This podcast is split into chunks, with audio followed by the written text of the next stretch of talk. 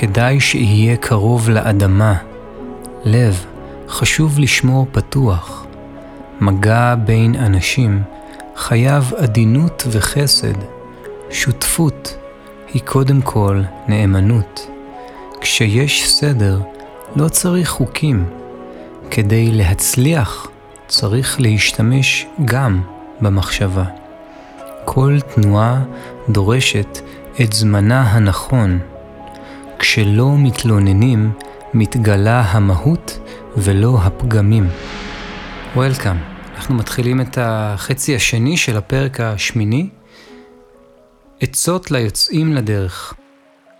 בית, כדאי שיהיה קרוב לאדמה. אוקיי, כבר מתחיל עם איזשהו אלמנט שמזכיר לנו משהו שמאוד מתכתב עם מה שכבר דיבר, הוא דיבר עליו בחצי הראשון, על האלמנט האיני הזה של המים שהם שואפים למקום נמוך. הרי ככל שאני רוצה לבנות גבוה יותר, אני צריך לשים יותר אנרגיה וככה אני מתרחק מהאדמה ובהתאם גם הנפילה תהיה בהתאם, כן? אם תהיה איזושהי רעידת אדמה או יקרה משהו, אז ההרס יהיה בהתאם להתרחקות שלי מהמצב שלקח מעצמו, מהמצב הטבעי, מהמצב האיני הזה של פשוט לשהות על האדמה, והוא פותח ומזכיר לנו בית כדאי שיהיה קרוב לאדמה. שיש פה עוד איזשהו רעיון שמזכיר לנו כדאי מהזווית הדאואיסטית לא להתרחק מהמהות עצמה שלנו, אוקיי?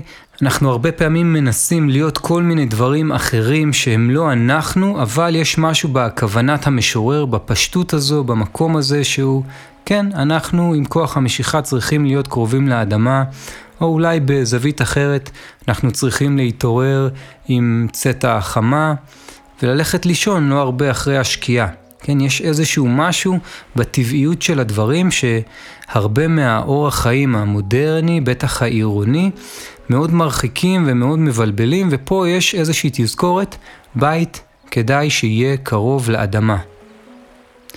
אני ממשיך. לב חשוב לשמור פתוח. שהרי בסוף, מי נפגע מכל הפגיעות הזאת, כן? הלב הזה כשהוא נסגר, מה שקורה הרבה פעמים במצב של טראומה, זה כמו פגיעה על פגיעה. גם פגעו בנו וגם עוד אנחנו אלה שנסגרים. הלב שלנו הוא שמתכווץ ונסגר. מעבר לפגיעה הראשונית, יש עוד פגיעה שאנחנו הרבה פעמים לוקחים איתנו כל החיים, סוחבים איתנו כל החיים. והוא מזכיר לנו לב חשוב לשמור פתוח. פשוט, אבל לא כל כך פשוט לבצע, כן? הרבה מה... באחד הפרקים הוא אומר, את הדברים שלי כולם יודעים, אבל לא כולם פועלים על פיהם. אני ממשיך. מגע בין אנשים חייב עדינות וחסד. כן, שוב, אותו מקום שכמה פעמים אנחנו מגיעים אל איזשהו אל המציאות, כן? אל מגע עם המציאות, אבל אנחנו כבר טעונים במשהו, באיזה שהם רעיונות, על איזשהו פוליטיקאי אה, אכזר או אה, נרקסיסט, או אולי אפילו זה יכול להיות באיזושהי מערכת יחסים אינטימית, על איזשהו מושא מאוד גדול ברמה המינית, אבל כשאנחנו מגיעים אל המציאות, במיוחד למקום של מגע בין אנשים, הדבר הזה לאו צה מזכיר לנו חייב עדינות וחסד, או אולי במילים אחרות, להשיל, לרוקן את כל הקונספציות, את כל הרעיונות, את כל הצורות, את כל האידיאולוגיות, ולהגיע ריקים, להגיע באיזשהו עירום אל הסיטואציה ולחוות אותה מתוך חישה, מתוך עדינות וחסד. מגע בין אנשים חייב עדינות וחסד. שותפות היא קודם כל נאמנות. זה משפט מאוד uh, ברור. כשיש סדר, לא צריך חוקים. המשפט הזה נשמע כמו איזושהי יציאה ישירה כנגד הגישה הקונפוציאנית. קונפוציוס, או כמו שקוראים לו בסינית קונג פו צה, הוא מי שהיה באסכולה הלכאורה יריבה בין זמנו של לאו צה והוא דיבר כל הזמן על חוקים ועל סדרים ועל uh, מוסר ועל אנושיות, ופה לאו צם אומר, רגע, כשיש סדר, לא צריך חוקים, והכוונה פה היא לא לסדר האנושי, אלא להרמוניה של הטבע. כן, כשהדברים כבר נמצאים בסדר הזה שהרבה פעמים אנחנו לא יכולים להבחין בו ואנחנו קוראים לו איזשהו כאוס ואנחנו מנסים בעזרת החוקים לכופף את הדברים ולסדר אותם, אבל כשיש את ההרמוניה הזו, לא צריך חוקים. כדי להצליח, אני ממשיך, כדי להצליח צריך להשתמש גם במחשבה. כל תנועה דורשת את זמנה הנכון. אפשר ממש לשמוע פה את הבסיס של אומנויות הלחימה.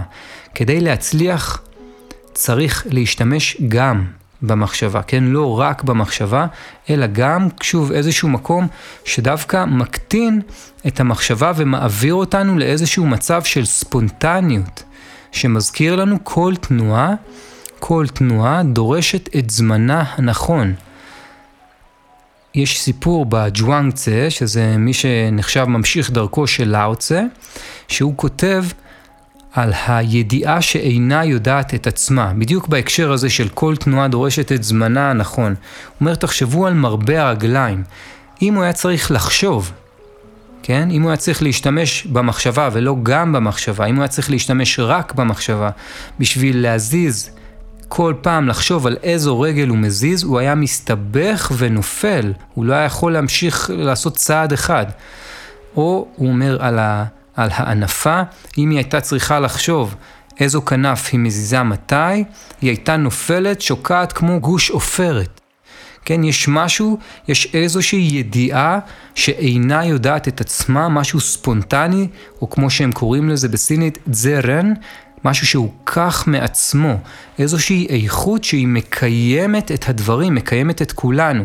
אנחנו עכשיו, אני מדבר ואתם מאזינים או מאזינות, אבל תוך כדי הלב פועל כך מעצמו, הראייה מתרחשת כך מעצמה, השמיעה קורית כך מעצמה, כן? אנחנו לא צריכים לחשוב, רגע, לכווץ עכשיו את השריר או להרפות אותו. וה... האיכות הזו, הבינה הזו, החוכמה הזאת הקוסמית, שאולי אפשר לקרוא לה דאו או טאו, היא משהו שלא שייך לחשיבה הרגילה, לאינטלקט, ולכן, כדי להצליח צריך להשתמש גם במחשבה, אבל לא רק. מה עוד שהצלחה דורשת גם מחשבה, אבל היא דורשת גם מזל, היא דורשת גם תנאים ונסיבות. היא דורשת הרבה דברים שגם אין לנו שליטה עליהם, ולאוצה מזכיר לנו את המקום הזה, שאולי נהיה גם באיזשהו מקום כנוע וצנוע מול המציאות, ולא נחשוב שכל הדברים הם רק בידיים שלנו. אני ממשיך. כל תנועה דורשת את זמנה הנכון. בהמשך גם נשמע על האומנויות לחימה ועל איך אנחנו עושים את ה-way wu way תוך כדי האקט של הלחימה. זאת אומרת מצב של עשייה ללא עשייה. במקום כל הזמן להתקיף, לחכות לרגע הנכון, וברגע הנכון, או כמו שכתוב פה, תנועה דורשת את זמנה הנכון, מכה קטנה בזמן הנכון, ואפשר לנצח את היריב. אני ממשיך לסוף של הפרק. כשלא מתלוננים, מתגלה המהות ולא הפגמים. אז הרבה לאוצה מזכיר לנו את האיכות הזו של לא להתלונן, שוב, לא להיות באיזושהי השתוקקות או רצייה או איזושהי השוואתיות. מתי נוצרת התלונה? כשיש איזשהו פער בין הציפייה שלנו לבין המציאות עצמה.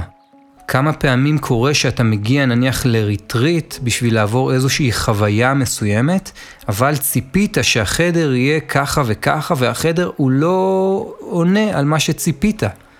ופתאום במקום לעבור איזושהי חוויה מסוימת, אתה רק עסוק בלהתלונן ואתה לא מצליח לראות שום דבר, כולל לא את החוויה עצמה, שאולי היא חלק מה...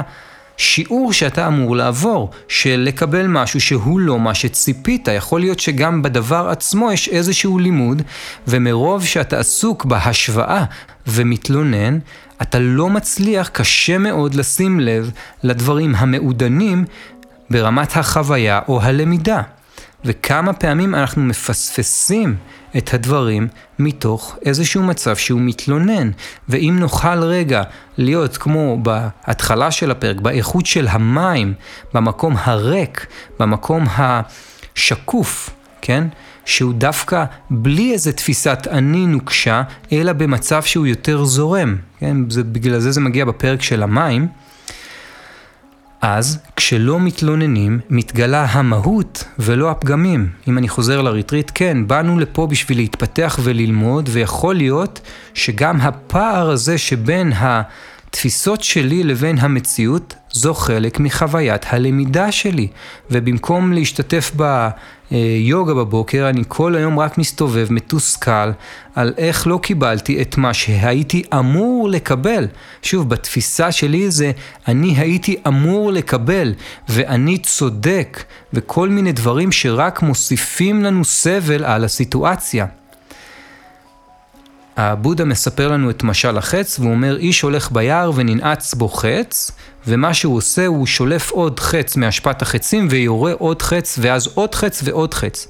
ובעצם מה שהוא מתכוון, הוא שהסבל, רוב רובו של הסבל, הוא סבל שנגרם כתוצאה מהתפיסות שלנו את הדברים, או במילים בהירות יותר, כתוצאה מהתפיסה המעוותת שלנו את הדברים. אוקיי, לא קיבלת את החדר שציפית לקבל, נניח שזה חץ ראשון, כן, יש כאלו שיגידו אפילו שזה לא חץ ראשון, אבל עדיין המקום שבוחר להתלונן ולהתמרמר, זה כבר מקום שבאופן אולי לא מודע, בוחר להוסיף סבל על סבל, וליצור איזשהו מעגל שהוא הרסני לנו, ורק אנחנו מפסידים ממנו. אז נקרא שוב ורק ניתן לדברים להדהד. בית, כדאי שיהיה קרוב לאדמה. לב, חשוב לשמור פתוח. מגע בין אנשים, חייב עדינות וחסד. שותפות היא קודם כל נאמנות. כשיש סדר, לא צריך חוקים. כדי להצליח, צריך להשתמש גם במחשבה. כל תנועה דורשת את זמנה הנכון.